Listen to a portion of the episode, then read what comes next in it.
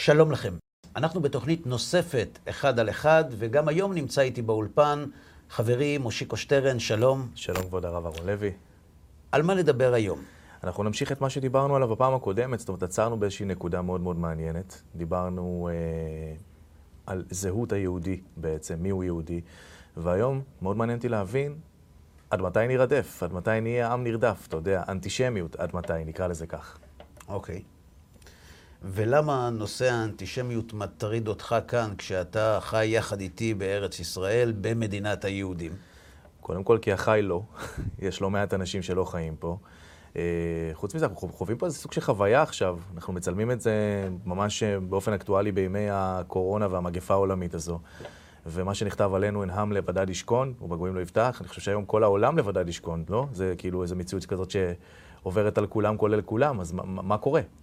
האמת שהאנטישמיות היא, היא לא דבר חדש. ההגדרה לשנאת ישראל כאנטישמיות היא הגדרה של משהו באזור סוף המאה ה-19, כמדומני, כך כותב פרופסור לאו שטראוס, הפילוסוף. הוא כותב בספר שלו שלפני שהגדירו את שנאת ישראל כאנטישמיות, קראו לזה רישס, סתם. רישס? רישס, רשעות. רשעות. רשעות, כן. אוקיי. ואתה צודק, השנאה העצומה לעם ישראל היא, היא לא דבר פשוט. היא, אולי התרגלנו, אבל אם אתה מסתכל מהצד, זה מטריד מאוד. זאת אומרת, אתה רואה עם שממתי שהוא קם ועומד על רגליו, הוא יודע רק מלחמות, סבל, רדיפות, נדידות.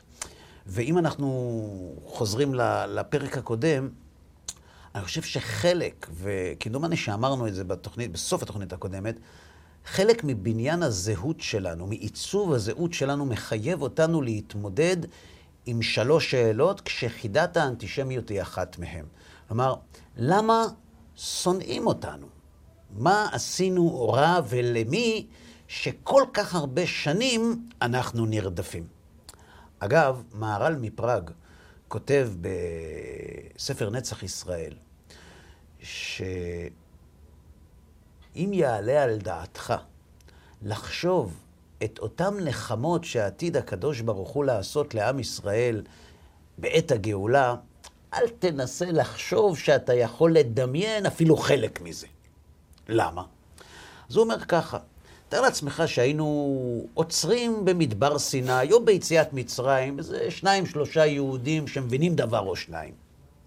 והיינו מראים להם ספר שכל קורות ההיסטוריה של העם היהודי כתובים בו.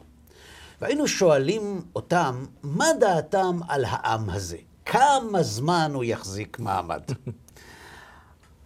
כותב מהר"ל מפראג, הם לא היו מאמינים שהדבר אפשרי. זאת אומרת, לא ייתכן, מבחינה סטטיסטית, לא ייתכן שכל הצרות ייפלו תמיד על אותו עם. זאת אומרת, כשאתה זורק קובייה, הסיכוי שהיא תיפול על הספרה 6 היא אחת לשש. פעמיים רצוף על 6 היא, היא אחת לשלושים ושש, וכך הלאה.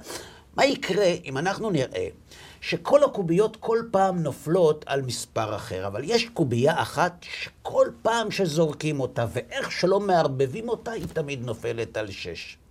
ישר נבין שמדובר כאן בתרגיל, או בהונאה, או בשרלטנות, או רמאות, ואם נשלול את כל האפשרויות האלה, תוצג בפנינו חידה. איך זה יכול להיות?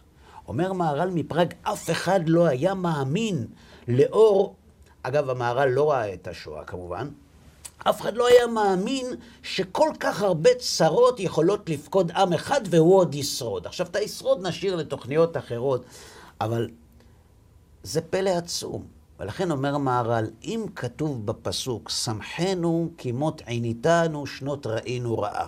זאת אומרת, אם הנחמה תהיה יותר מהצרה, ואת הצרה אי אפשר להכיל, אז למה אתה בכלל מנסה לדמיין את הנחמות שעתיד הקדוש ברוך הוא לנחם את עם ישראל?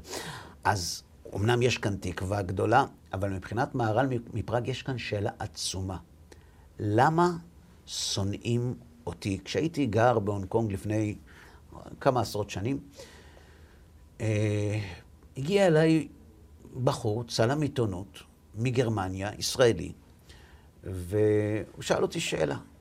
הגיע למוצאי שבת, ישבנו, הוא אומר לי, תראה, אני, אני, אני, פחות או יותר זה המילים שהוא אמר, אני לובש את אותו ג'ינס, אני שומע את אותה מוזיקה, אני אוכל את אותו אוכל, אני רואה את אותם סרטים, וכשאני אומר שאני ישראלי, יהודי, מיד נהיה באוויר מתח. מה עשיתי? לא מאמין בתורה, לא במשה עבדו, לא בקדוש ברוך הוא.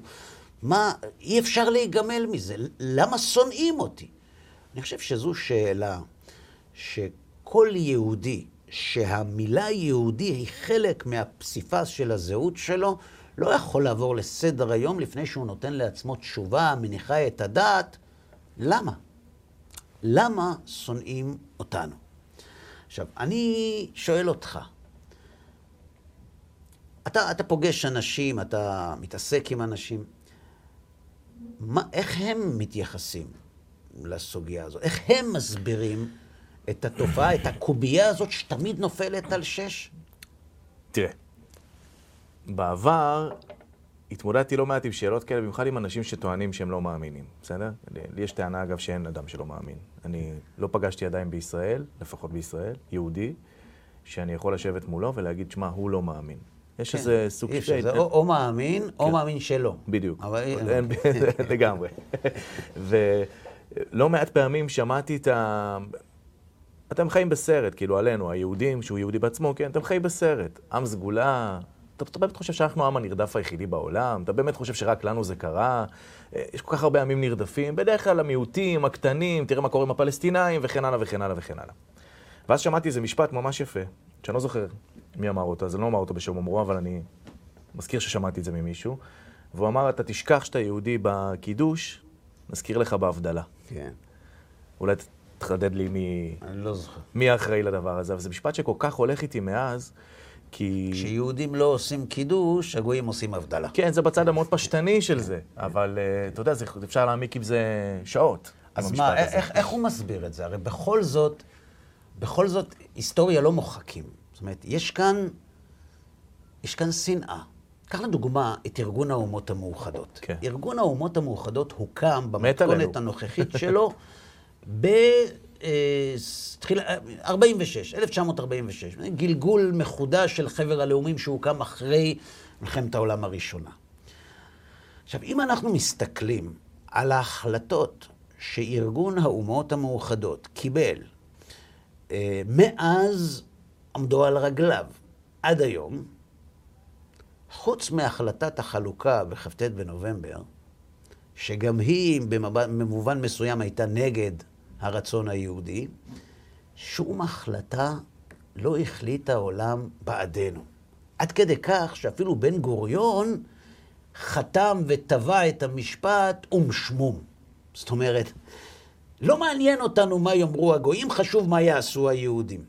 יש כאן שאלה עצומה. איך ייתכן שלמרות הכל, ולמרות היותנו לעם בארץ ישראל, ולמרות הקמת המדינה שהייתה אמורה לפתור כן. את סוגיית האנטישמיות, מה, אנשים, עזוב עכשיו שומר מצוות, לא שומר מצוות, יהודי, מתבונן על ההיסטוריה שלו, זה לא מטריד אותו? למה שונאים אותי? כמו שהבחור שאל אותי בהונג קונג, תגיד, מה עשיתי רע? למה... אז אתה יכול להגיד, טוב, אנחנו לא עם סגולה. החלטנו להתפטר לא רוצים יותר לא סגולה ולא עם, רוצים קוסמופוליטיות. צריך לשאול את המחותנים, זאת אומרת, אותם זה לא מעניין, הם ישנאו אותנו גם כך וגם כך.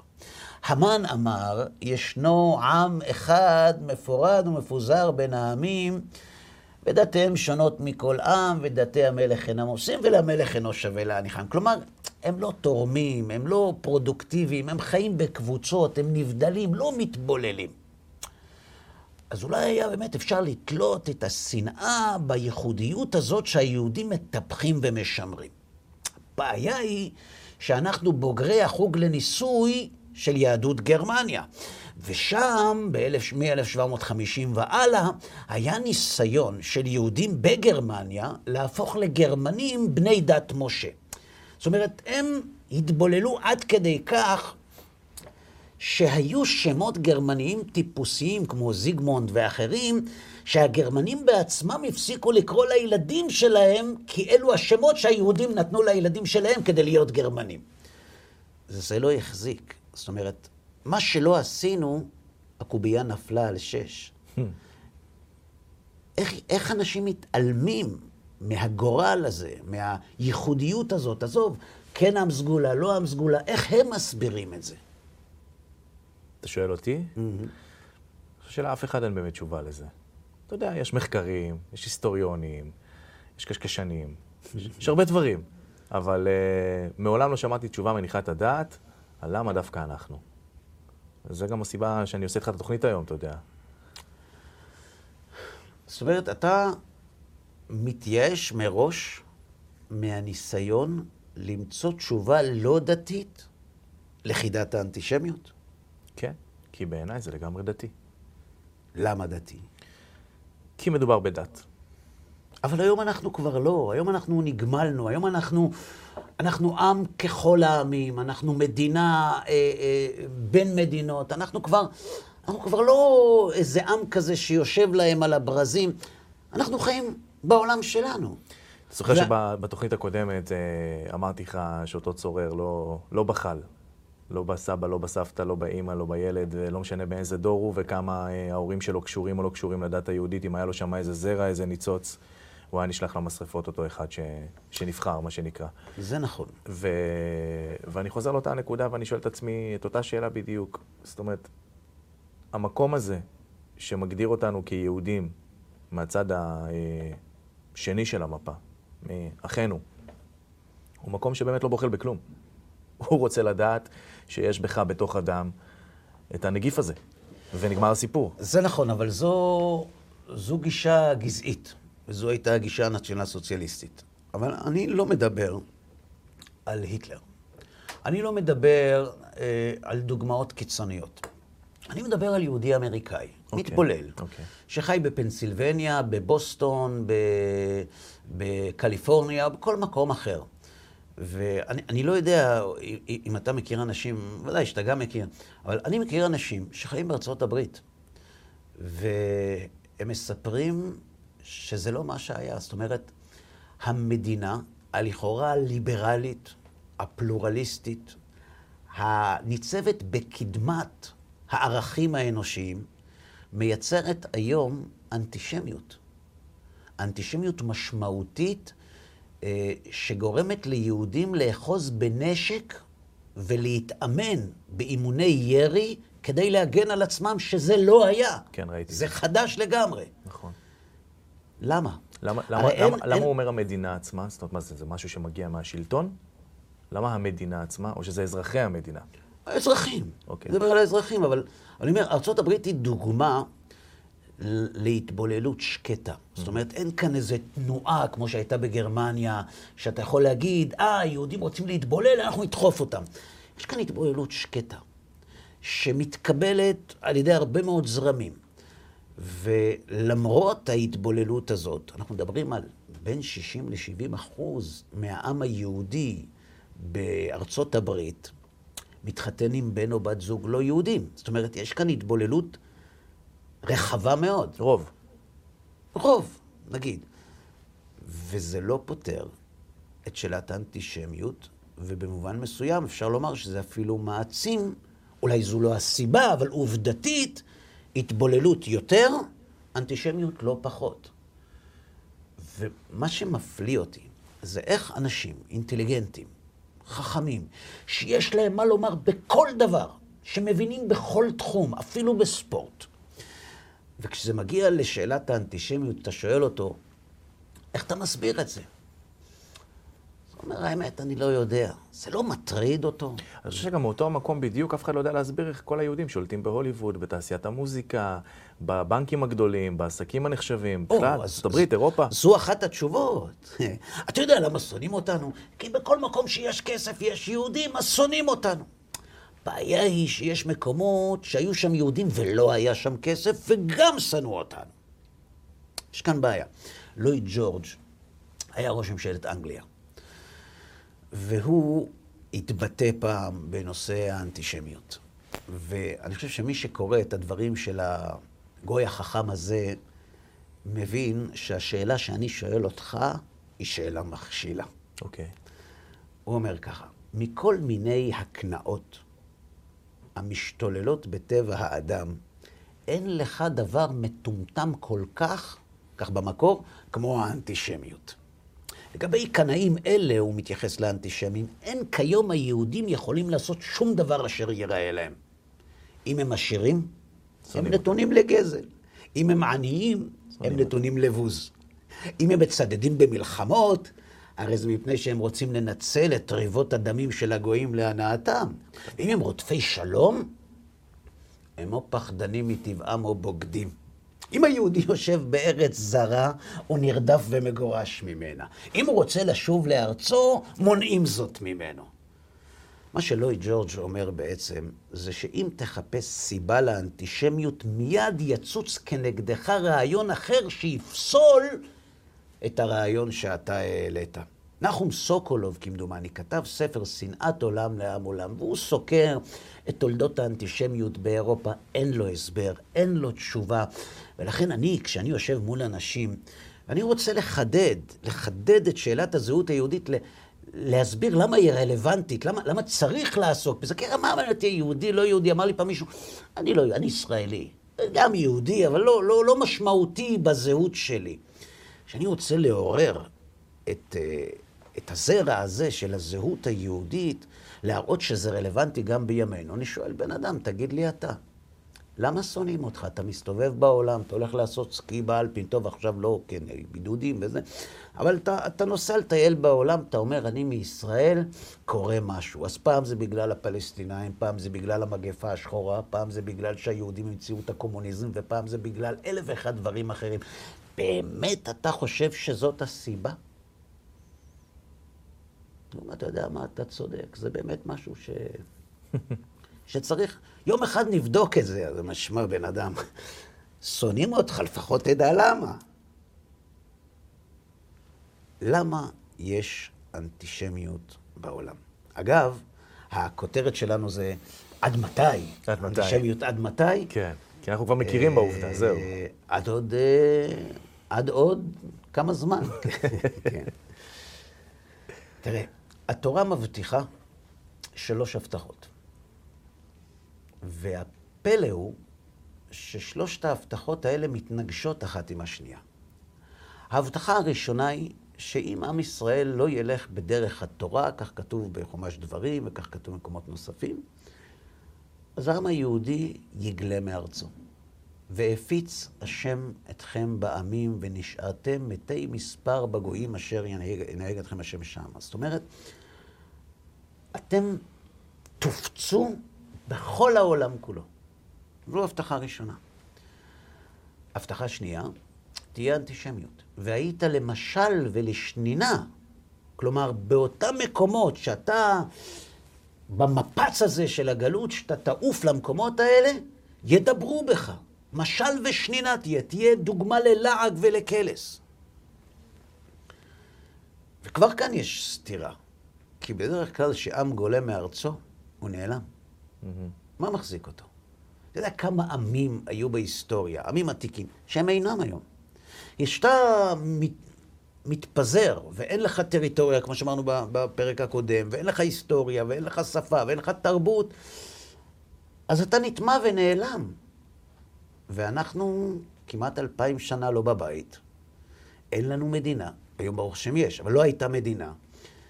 לא היה מטבע, לא היה צבא, לא הייתה תרבות משותפת. הייתה דת, אבל לא כולם היו דתיים. ולמרות זאת, למרות שאנחנו נמצאים בגויים מפוזרים, רק דוגמה. הספר שולחן ערוך נכתב על ידי רבי יוסף קארו. רבי יוסף קארו היה ילד קטן בזמן גירוש ספרד. למה הוא כתב את השולחן ערוך? כי רבי יוסף קארו ראה אסון שפוקד את העם היהודי. הוא רואה יהודים מתפזרים ברחבי העולם בעקבות הגירוש, בזוועות בלתי נתפסות. אין להם את מי לשאול איך מניחים תפילין, אין להם את מי לשאול מתי פסח, אין להם את מי לשאול כלום. זאת אומרת, זה לא כמו היום שאתה פותח אה, זה וכותב נכון. ומקבל את התשובות לפי העדה. זאת אומרת, לא היה דבר כזה. אמר רבי יוסף קארו, אני רוצה לכתוב ספר שיהודי בכל מקום בעולם, גם אם הוא יהיה לבד, אם הוא ירצה ללכת בדרך תורה ומצוות, הוא יוכל לעשות את זה עם הספר שלי. כך נולד הרעיון של השולחן ערוך. עכשיו, השולחן ערוך נולד לפני 500 שנה. אנחנו בגלות כמעט אלפיים שנה, זאת אומרת, 1,500 שנה אין ספרים, עוד לא היה דפוס, ועם שורד נגד כל הסיכויים. בתפוצות אשר הפיץ השם אתכם שמה, אתכם שמה. זאת אומרת, אנחנו מתפזרים בעולם ולא נעלמים. אגב, כמדומני במאה השלישית לספירה, או רביעית, אל תתפוס אותי במילה, הגיעו מאמינים נוצרים לאוגוסטינוס, ואמרו לו, אתם הרי מלמדים אותנו, חס ושלום, כן? אתם מלמדים אותנו שהקדוש ברוך הוא מאס בעם ישראל ובחר בנו. היום, בכנסייה בימי ראשון, הנוצרים אומרים, אנו הם ישראל עם קדושך. זה מה שהם אומרים, אנחנו עם ישראל. אגב, במדרש כתוב שלעתיד לבוא באים אומות העולם ואומרים לקדוש ברוך הוא שהם רוצים שכר, ושואל אותם למה, הם אומרים לו, אנו הם ישראל. זאת אומרת, אנחנו עם ישראל. עונה להם הקדוש ברוך הוא, יבוא מי שמסתרין שלי בידו וייטול שכר. מי שיש לו את הכספת זה יפה, אבל מי שיש לו את המפתחות, הוא בעל הבית. יש לכם את המפתחות? אין לכם. מפתחות זה התורה שבעל פה. כן. אין לכם את זה? לא תקבלו. זאת אומרת, באים לאוגוסטינוס ואומרים לו, תראה, אם, אם, אתם, אם אתם אומרים לנו שהאלוה בחר בנו, אפרים לפעמים, כן, בחר בנו ומאס ביהודים וישראל, עם ישראל, היהודים הם ישראל שבבשר ואנחנו ישראל שברוח. אז איך יש יהודים היום? תם תפקידם, נכון? מאס בהם, זרק אותם. תראה, הם, הם לא נעלמים. יש מי שאומר לך אבל שהם אה, לא היהודים המקוריים, זאת אומרת, אנחנו... זה היום. כן. זה היום, אבל אז ידעו מי היהודים המקוריים, והיו צריכים לדרוך עליהם. אוקיי. אז איך הם עוד כמה קיימים? זאת אומרת, בוא, זאת אומרת, הפריע להם, שיעלמו. אוגוסטינוס אמר שצריך לחשוב. הוא היה איש חכם. וכך נולדה תורת הבוז, תיאוריית הסבל, שמה היא אומרת? אומר להם אוגוסטינוס, תראו, היהודים בכוונה נשארים. למרות שהאלוה מאס בהם, הם נשארים. יודעים למה? כדי שאנחנו הנוצרים נבין שאנחנו מאמינים באמונה נכונה. אתם יודעים למה הקדוש ברוך הוא משאיר את היהודים בחיים? הוא משאיר אותם בחיים כדי שאנחנו הנוצרים נלמד מה קורה לעם שמגדל משיח ולא מאמין בו. לכן הם נשארים והם יסבלו. זאת אומרת, הם, נול, הם, הם נולדו לסבל נצחי בגלל שהם הרגו את ישו, ולכן הם יישארו תמיד ויסבלו. עכשיו, אוגוסטינוס לא היה טיפש. הוא ידע שהתורה הבטיחה שעם ישראל יסבול. לא ייעלם. לא ייעלם. ויסבול. ויסבול. אז איך מגייסים את זה למכונת המלחמה הנוצרית? אומרים, זה שהם סובלים ולא נעלמים, זה בגללנו. הבעיה היא שזה נכתב בתורה עוד לפני שאוגוסטינוס חשב לחדש לעצמו שיטה. כלומר, יש כאן פלא עצום. התורה מבטיחה שמצד אחד עם ישראל ימשיך להתקיים בלי ששום קריטריון מדיני ולאומי חלים עליו, וישנאו אותו. אז כשאתה אומר לי, הרבה עמים נרדפו, הרבה עמים שנאו אותם, נכון. אבל תראה לי עוד עם אחד בהיסטוריה, שמישהו לא ניסה, אמר שצריך להוריד אותו מעל במת ההיסטוריה. ולמלך אינו שווה להניחם. לכן ייכתב לאבדם. אין דבר כזה. הגזע היהודי, אמר הצורר הגרמני ברייכסטאג, הגזע היהודי יושמד. אתה מכיר עוד עם כזה? לא. לא. אז כשאנשים אומרים, שמע, הרבה עמים נרדפו, זה ניסיון כל כך נואל ולא רציני להתמודד עם השאלה, כי הרי בינינו, תראה, כשאתה שואל בן אדם שאלה כזאת, זה, זה אגרוף בבטן. עכשיו, הוא רוצה לברוח מהגורל הזה. אז מה, הוא דוחה אותך בקש. היו הרבה עמים, הצוענים נרדפו בשואה, ו... זה נכון, אתה צודק. אבל אתה מכיר עם אחד שכל הזמן נרדף? לא. אנחנו. ולכן שאלת האנטישמיות היא אבן יסוד בבניין הזהות היהודית. בלי לענות על השאלה הזאת, תראה, אני מוכן לקבל תשובה, כמו שאמרתי לך גם במפגש הקודם, אני מוכן לקבל הסבר. בוא, אבל תן הסבר מניח את הדעת. למה כשרדפו אותנו בספרד, הצילו אותנו במרוקו, אבל כשרדפו במרוקו, הצילו בספרד? אנשים לא יודעים. שהיו רדיפות במרוקו, מוסלמים קיצוניים, אבן תומרד וחבריו, אל-מואחידין ואחרים, שהם כבשו את ספרד ואילצו את היהודים לה- להתאסלם. ואחרי לא הרבה שנים, כמה 200 שנה, מגיעים הנוצרים ואומרים, טוב, עכשיו אנחנו, התור שלנו. אז או שאתם מתנצרים או שאתם הולכים מכאן. תן הסבר. תן הסבר מניח את הדעת. התורה אומרת, מבטיחה מראש, עוד כשעם ישראל ישב בארצו, דע לך, אם תלכו ותעבדו אלוהים אחרים והשתחוויתם להם וחרף השם בכם ועצר את השמיים והאדמה לא תיתן את יבולה ועבדתם מהרה מעל הארץ הטובה ו- ואתה תלך בגויים וכל העולם כולו תופץ וישנאו אותך וידברו בך ומשל ושנינה היינו לעג וקלס בגויים נחשבנו כצאן לטבח יובל זה מה שיהיה. כל מה שנשאר להבין, אוקיי, הבנו, זה יתקיים, תודה. למה? למה זה קרה?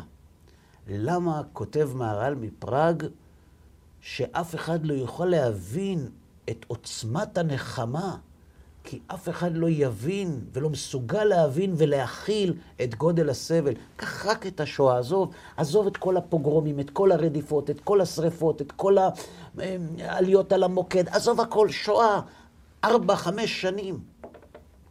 אין בן אדם שמסוגל להכיל את זה. אלא אם כן אתה הולך על הלמה של התורה. על מה? על הלמה של התורה. מה שהתורה מבטיחה לנו. מה היא מבטיחה לנו?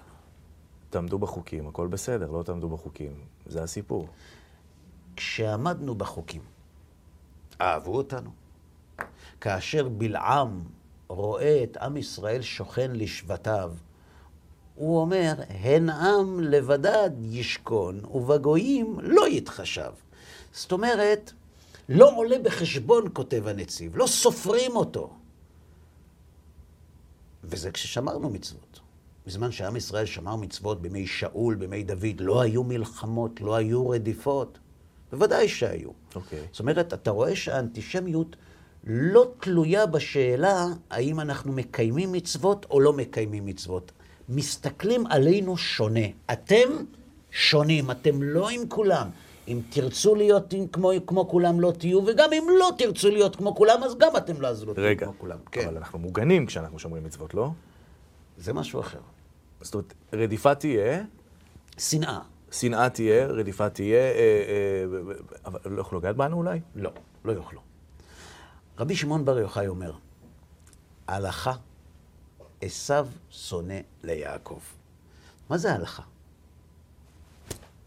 ברזל.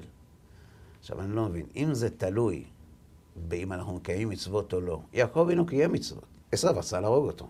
זאת אומרת, זה שעשיו שונא ליעקב לא תלוי במעשים שלך, ולא שלי. עשיו שונא ליעקב.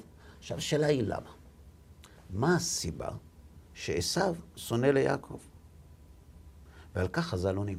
מי שחושב שלעם היהודי אין תפקיד בהיסטוריה, מי שחושב שהעם היהודי זו המצאה, כמו שאתה ציטטת אנשים שאתה אומר, אנחנו לא עם, אין עם כזה, לא היינו, לא נהיה, המצאה, המצאה אנושית חדשה. בסדר. הוא הרי כבר לא הצליח, ראינו, להנפיק הסבר מניח את הדעת לאנטישמיות. אז אנחנו לא צריכים לקחת את הטיעונים שלו בצורה רצינית. תורת ישראל טוענת שלעם היהודי יש תפקיד. תרצה, לא תרצה, יש תפקיד. להוביל את האנושות מאדם הראשון ועד ימות המשיח. עכשיו, מאדם הראשון עד אברהם אבינו, אנחנו יודעים שבא אברהם ונטל שכר כולם, ולא קורא הרמב"ם עמודו של עולם, מפני שהוא מתחיל להפיץ בעולם כולו של אותם ימים את האמונה באל אחד. עכשיו, היו לו ילדים, ישמעאל ויצחק, כי ביצחק יקרא לחזר הכתוב בתורה, ואז יעקב, אה, ויש יעקב ועשיו, והקדוש ברוך הוא בוחר ביעקב, ויש לו ילדים, ואז מגיע מעמד הר סיני, ועם ישראל נבחר. מה המשמעות של בחירת עם ישראל? אני רוצה להגיד לך משהו שאנשים לא תמיד שמים לב אליו. ההבדל בין עם ישראל לאומות העולם מבחינת התהליך זה רק מי קודם למי בסדר הזמנים. אנחנו אומרים בתפילת עלינו לשבח, יכירו וידעו כל יושבי תבל, כי לך תכרע כל ברך, תשבע כל לשון. ביום ההוא יהיה השם אחד ושמו אחד. כלומר, העולם לא יגיע אל תיקונו ואל תכליתו, עד שלא יכירו וידעו כל יושבי תבל. עכשיו, אם כל יושבי תבל לא סופרים אותם, אז בשביל מה צריך שהם יכירו וידעו כי לך תכרע כל ברך? העולם יגיע אל תיקונו ואל תכליתו רק כאשר כל ניצוצות הנשמות שבאו מהנשמה של האדם הראשון יתוקנו. עכשיו, איך יהיה התהליך? התהליך הוא עם ישראל שמתקן את אומות העולם. אבל לא שעם ישראל מתקן את עצמו ואז נגמר הסיפור ואומות העולם לא נחשבים, נחשבים מאוד. כותב בעל התפארת ישראל, פירושו למסכת אבות. על המשנה שאומר רבי עקיבא, חביב אדם שנברא בצלם. שואל התפארת ישראל, מי שחושב שלגויים אין חלק לעולם הבא, אין להם נשמה, הם לא נחשב, נמשל כבהמות נדמו. שואל התפארת ישראל, איך זה יכול להיות? הרי אנחנו יודעים שיש גויים שיש להם חלק לעולם הבא. חסידי אומות העולם, כלומר אלה שמקיימים את שבע מצוות בני נוח מפני שהקדוש ברוך הוא ציווה, יש להם חלק לעולם הבא. וחוץ מזה הוא שואל שאלה מוסרית. הוא אומר, תגיד, היו לאורך ההיסטוריה לא מעט נוכרים שעשו כל כך טוב לעולם. הקדוש ברוך הוא לא נשאר חייב. לא ראינו שהם קיבלו תמורה על מה שהם עשו. זה שהמציא את החיסון, אנחנו נמצאים עכשיו במה שקוראים מגפה עולמית. תאר לעצמך שיגיע האדם ויצליח להמציא חיסון שיציל את האנושות מן המגפה הזאת. לא, לא, לא, אה, הוא גוי, לא, לא, לא מגיע לו כלום. הייתכן כדבר הזה? זה שהביא, כותב התפארת ישראל, את התפוח אדמה לאירופה והציל ממוות מרעב עשרות אלפים אלפים של אנשים, אין לו שכר על זה. אם לנבוכדנצר על שלוש פסיעות שעשה קיבל שלטון על כל העולם, הכומר רייכלין הוא כותב, זה שניסה להציל את התלמוד משרפה בצרפת, והחברים שלו נידו אותו ומת בנידויו מרוב צער, לא יקבל על זה שכר?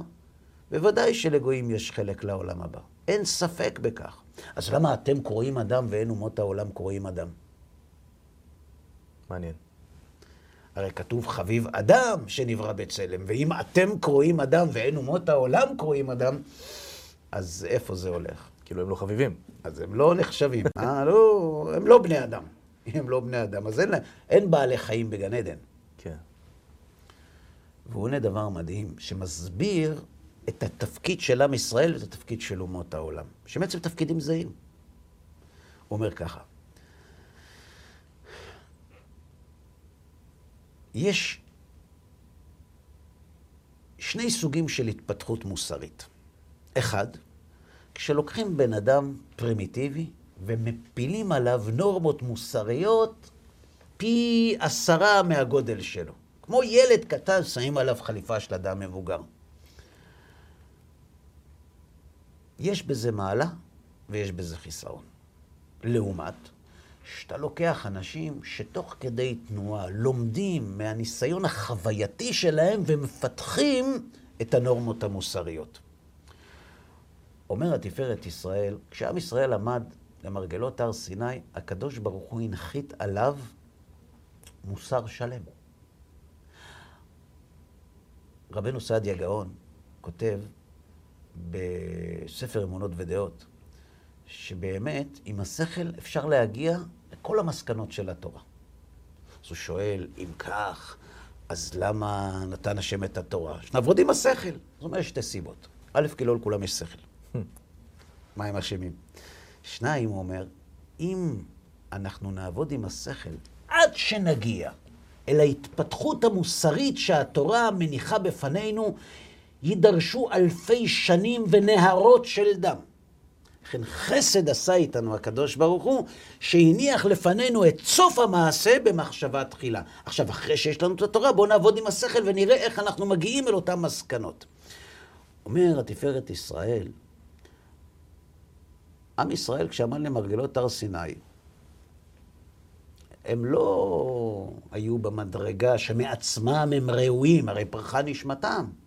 כי הקדוש ברוך הוא העלה אותם עם מ"ט שערי טוב, אבל זה התערותא דלעילה, כמו שאומרים, לא מתוך מעשיהם שלהם. כן. זאת אומרת, נחת עליהם מערך מוסרי הרבה יותר גדול ממי שהם. זה כפה עליהם כגיל. נכון.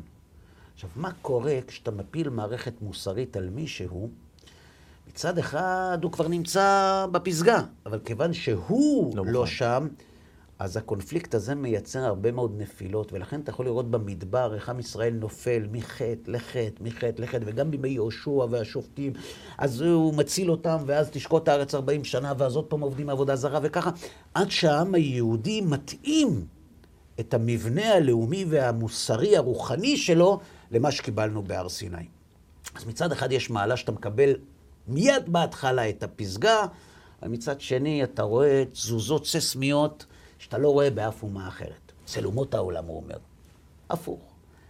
הם בדרך ההתנסות החווייתית. מתי יוקם חבר הלאומים? אחרי מלחמת העולם הראשונה. מתי יוקם האומות המאוחדות? אחרי מלחמת העולם השנייה. כלומר, העולם למד תוך כדי תנועה מהטעויות של עצמו, מה הוא לא רוצה. יותר. בדיוק. כן. אז זה תהליך יותר איטי, אבל הוא יותר יציב, כי מה שהם החזיקו בו, הם, הוא חלק מהם, ולכן יש מעלה וחיסרון בכל אחד מהצדדים. עכשיו, איך זה קשור לאנטישמיות? חז"ל מלמדים אותנו שלעם היהודי יש תפקיד להיות אור לגויים. וכיוון שהוא עתיד להיות אור לגויים, התפקיד הזה מחייב אותו. עכשיו, אם אנחנו יודעים שהעולם יגיע אל תכליתו, אנחנו יודעים שמי שמוביל את הלפיד של אור לגויים, גם הוא יגיע אל תכליתו, ומכאן סוד הנצחיות של עם ישראל. איפה האנטישמי נכנס לתמונה? מהו אותו תיקון עולם שיהיה בימות המשיח? קוראים את זה בנביא. לא יישא גוי אל גוי חרב, ולא ילמדו עוד מלחמה, וכיתתו חרבותם לעיתים, וחניתותיהם למזמרות, אידיליה. וגר זאב עם כבש. עכשיו, אתה יכול להסביר לי, מתי זאב יכול לגור עם כבש? כשאין להם על מה לריב. או. מתי אין על מה לריב? מסבירים המקובלים, כך מבאר בעל הסולם. הוא אומר ככה, האדם, יש בו שני מנועים, או בוא נגיד ככה, התיבת הילוכים שלו פועלת בשני מצבים. מצד אחד יש לו רצון עצום לקחת, מצד שני, לתת. החורבן של העולם נגרם כשהאנושות עוסקת בלקחת. כי כשאנחנו עוסקים בלקחת, אין מספיק לכולם, וכל מה שאני לוקח זה על חשבונך. ואז מגיע שלב של התקוממות, וקוראים לזה מלחמה. כשאני רוצה לקחת, ואתה רוצה לקחת, אז גם אם אני כבש ואתה זאב, או הפוך, לא נוכל לחיות יחד. תפקיד העם היהודי לבנות חברה שמבוססת על ואהבת לרעך כמוך. פירוש הדבר, חברה שהתיבת הילוכים שלה היא על מה אני נותן ולא על מה אני לוקח. וכשאנחנו כחברה נחיה בצורה כזאת, מן העולם כולו יבואו ללמוד מאיתנו איך אפשר לחיות בצורה כזאת. בגדול. אולי נייחד לזה גם תוכנית כדי להבין איך זה עובד. אבל לעם ישראל יש תפקיד, והוא ישן. הוא עסוק בלקחת. הוא לא עסוק בלתת. מצד אחד אתה רואה שקורים בו דברים, זאת אומרת, הוא, הוא, הוא מפוצץ באנרגיה, הוא נלחם, הוא אנונימוס, הוא זכ- זכויות אדם, הוא, אתה רואה שיש משהו, אבל בסופו של דבר, אני רוצה לקחת. מה מגיע לי? וכשעם ישראל, שכל העולם מחכה לצורת החיים הנכונה, כשהוא לא עוסק בתפקידו, יש מישהו שסובל בגלל זה. אתה יודע מי? אומות העולם. כולם. ולכן, כולם. ולכן העולם, הוא לא מודע לזה, כן? הגוי שהוא שונא אותי זה בגלל שאני ישראלי, בגלל שאני כיבוש, בגלל שאני זה, ואלה, ו- כל פעם תירוצים אחרים, איך אמר לואי ג'ורג', אם הוא יושב בארץ זרה, נרדף מגורש, אם הוא רוצה לשוב לארצו ונשואות, הוא, הוא, הוא קודם כל שונא אותך, אחרי זה בוא נחשוב למה, באמת למה אני שונא אותך, אה, בגלל זה.